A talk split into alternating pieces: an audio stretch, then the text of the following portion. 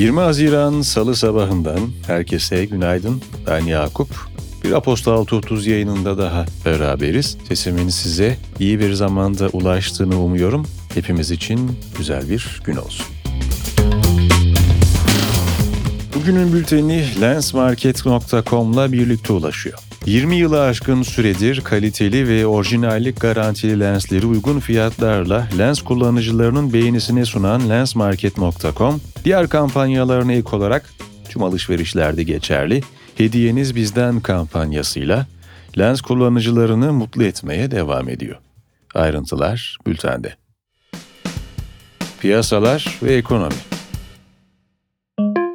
Asgari Ücret Tespit Komisyonu'nun asgari ücrete yapılacak ara zammı belirleme çalışmaları kapsamında gerçekleşen ikinci toplantısının ardından konuşan Türk İş temsilcisi Ramazan Ağar, işveren tarafında ya da hükümet tarafında herhangi bir rakam ortaya konmadı. Biz de söylemedik işin doğrusu ifadelerini kullandı. Komisyonun bu hafta üçüncü kez toplanarak kararın açıklaması bekleniyor. Yeni asgari ücretin bayramdan önce Cumhurbaşkanı Erdoğan tarafından açıklanacağını belirten Ağar, asgari ücretin 500 dolar olması tartışmalarına ilişkinse şu anda biz Türk parası olarak görüşüyoruz. Dolar üzerinden pazarlık yapmıyoruz dedi.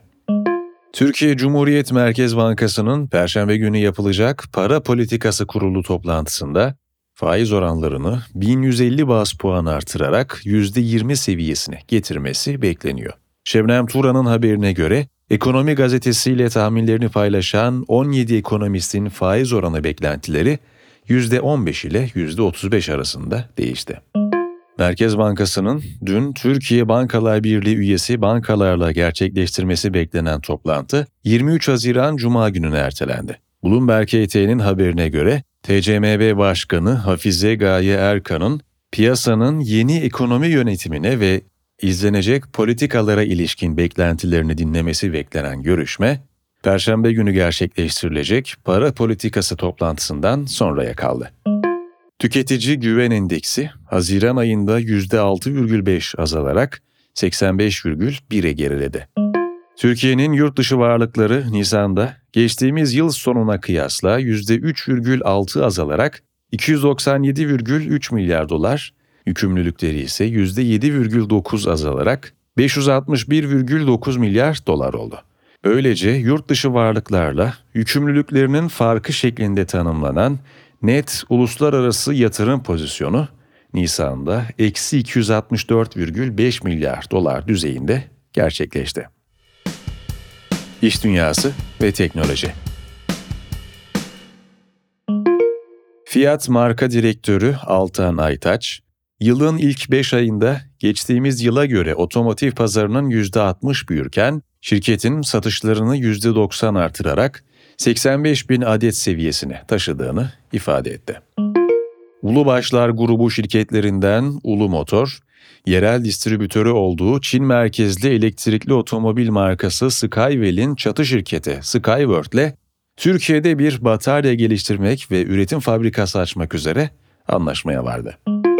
Rekabet Kurulu, Google'a reklam hizmetlerinde kendini kayırarak rekabet yasasını ihlal ettiği gerekçesiyle soruşturma başlattığını açıkladı. Kurul, Google'ın rekabet kanununun 6. maddesini ihlal ettiği gerekçesiyle teknoloji şirketi hakkında açtığı ön araştırmayı karara bağladı. ABD merkezli çip üreticisi Intel, Avrupa'daki genişleme hamlesinin parçası olarak Almanya'da 30 milyar avronun üzerinde yatırımla iki yarı iletken fabrikası kuracağını açıkladı.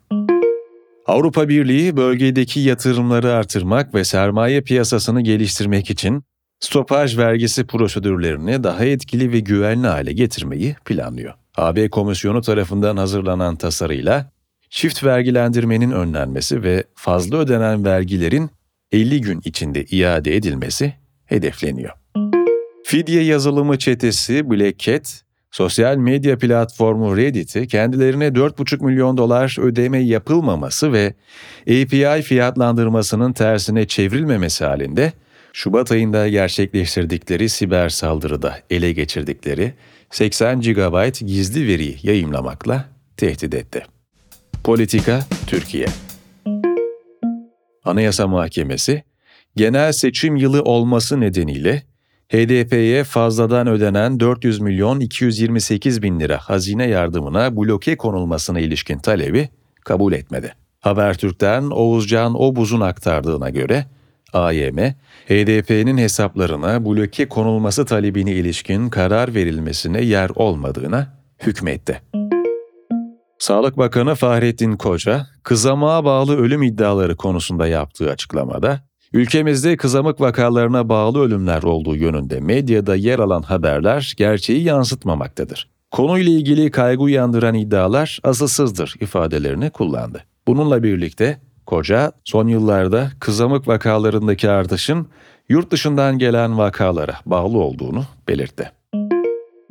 Eski İçişleri Bakanı Süleyman Soylu ve korumaları hakkında 26 Mayıs'ta İstanbul'da kalp işareti yaptığı gerekçesiyle gözaltına alınarak darp edilen 23 yaşındaki İsmail İshak Arslan suç duyurusunda bulundu. Dilekçede Soylu ve korumalarının hakaret, kasten yaralama ve işkence suçlarından cezalandırılması talep edildi.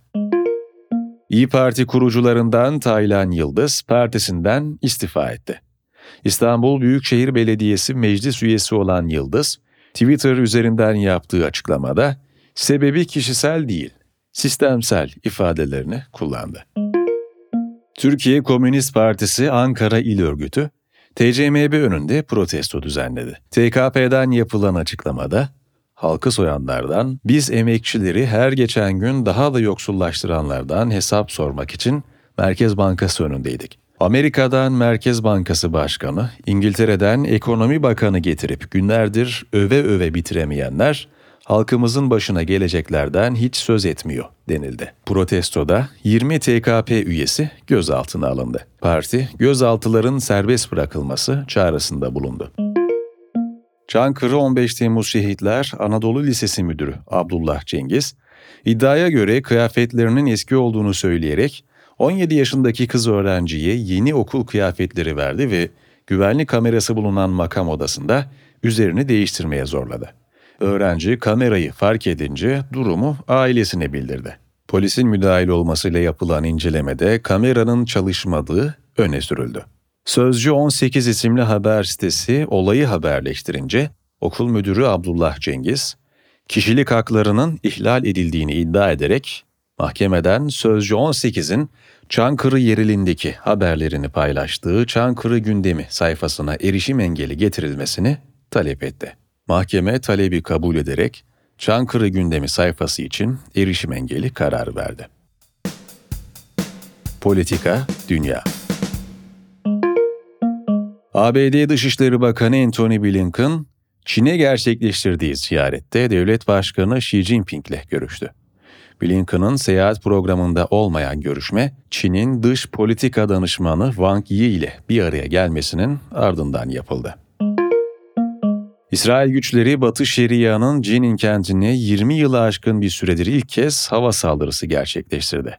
Askeri helikopterlerle yapılan saldırıda kentin bazı noktalarına silahlı kişiler tespit edilmesi nedeniyle roket fırlatıldığı bildirildi. Yerel kaynaklardan alınan bilgiye göre İsrail güçlerinin yine Cenin kentinde sabah düzenlediği baskında ise biri çocuk 3 Filistinli hayatını kaybetti. Çatışmalarda 31 Filistinli ve 6 İsrail askeri yaralandı. Ukrayna Savunma Bakanı Yardımcısı Ena Meyer, ülkenin güney cephesinde iki haftadır süren karşı taarruz operasyonunda geri alınan yerleşim yeri sayısının 8'e çıktığını açıkladı. Birleşmiş Milletler Ukrayna İnsani Yardım Koordinatörü Denis Brown, Ukrayna'da Rusya güçlerinin kontrolü altında olan HES barajının yıkımından etkilenen bölgeleri erişim talebinin Rusya tarafından reddedildiğini belirtti. Fransa Çalışma Bakanı Olivier Dussopt, mutfak yardımcılığı ve temizlik çalışanı gibi bazı mesleklerde göçmen işçi alımının şart olduğunu söyledi. Hindistan'da geçtiğimiz günlerde 43,5 derecenin altına inmeyen sıcaklıklar nedeniyle hayatını kaybedenlerin sayısının 166'ya çıktığı bildirildi. Günün hikayesi ilkim emirlerden geliyor. Yazının başlığı Kaçak Medresede Ölüm. Ailesi Şanlıurfa'nın Ceylanpınar ilçesinde yaşayan 12 yaşındaki Ade, Eyyubiye ilçesinin Beşat köyünde, kaçak bir medresede, akranı 19 çocukla beraber yatılı olarak kalıyordu. Ade, 13 Haziran günü medreseden çıkmasının ardından kayboldu. Bir gün sonra çocuğun cansız bedeni medresenin yanındaki ahırda asılı halde bulundu. Çocuğun cansız bedenini köydeki çocuklar buldu. Ade'nin cansız bedenini amcası da ahırda gördü. Sekiz kardeşin en küçüğü olan Ade'nin cansız bedeni, geçtiğimiz gün ailesinin yaşadığı Ceylanpınar'da asri mezarlıkta toprağa verildi. Ade'nin ölümüne ilişkin Şanlıurfa Cumhuriyet Başsavcılığı soruşturma başlattı. Geçtiğimiz yıl Elazığ'daki Fırat Üniversitesi Tıp Fakültesi 2. sınıf öğrencisi 20 yaşındaki Enes Kara, kaldığı Nur cemaatine bağlı bir evde intihar etmişti. Kara'nın intiharının ardından cemaat ve tarikat yurtlarının, kaçak kurslarının ve medreselerinin varlığı tartışma yaratmıştı. AD'nin ölümünün ardından da aynı tartışmalar gündeme geldi. Çocuğun ailesinin zoruyla kaçak medreseye gönderildiği iddiaları tartışmaları güçlendirdi. Çocuğun ölümü şüpheli ölüm olarak kayıtlara geçti. Neler söylendi, neler yaşandı, çocuğun ailesi ne dedi? Soruların cevabı ve haberin devamı bültende. Bir yayının daha sonuna geldik.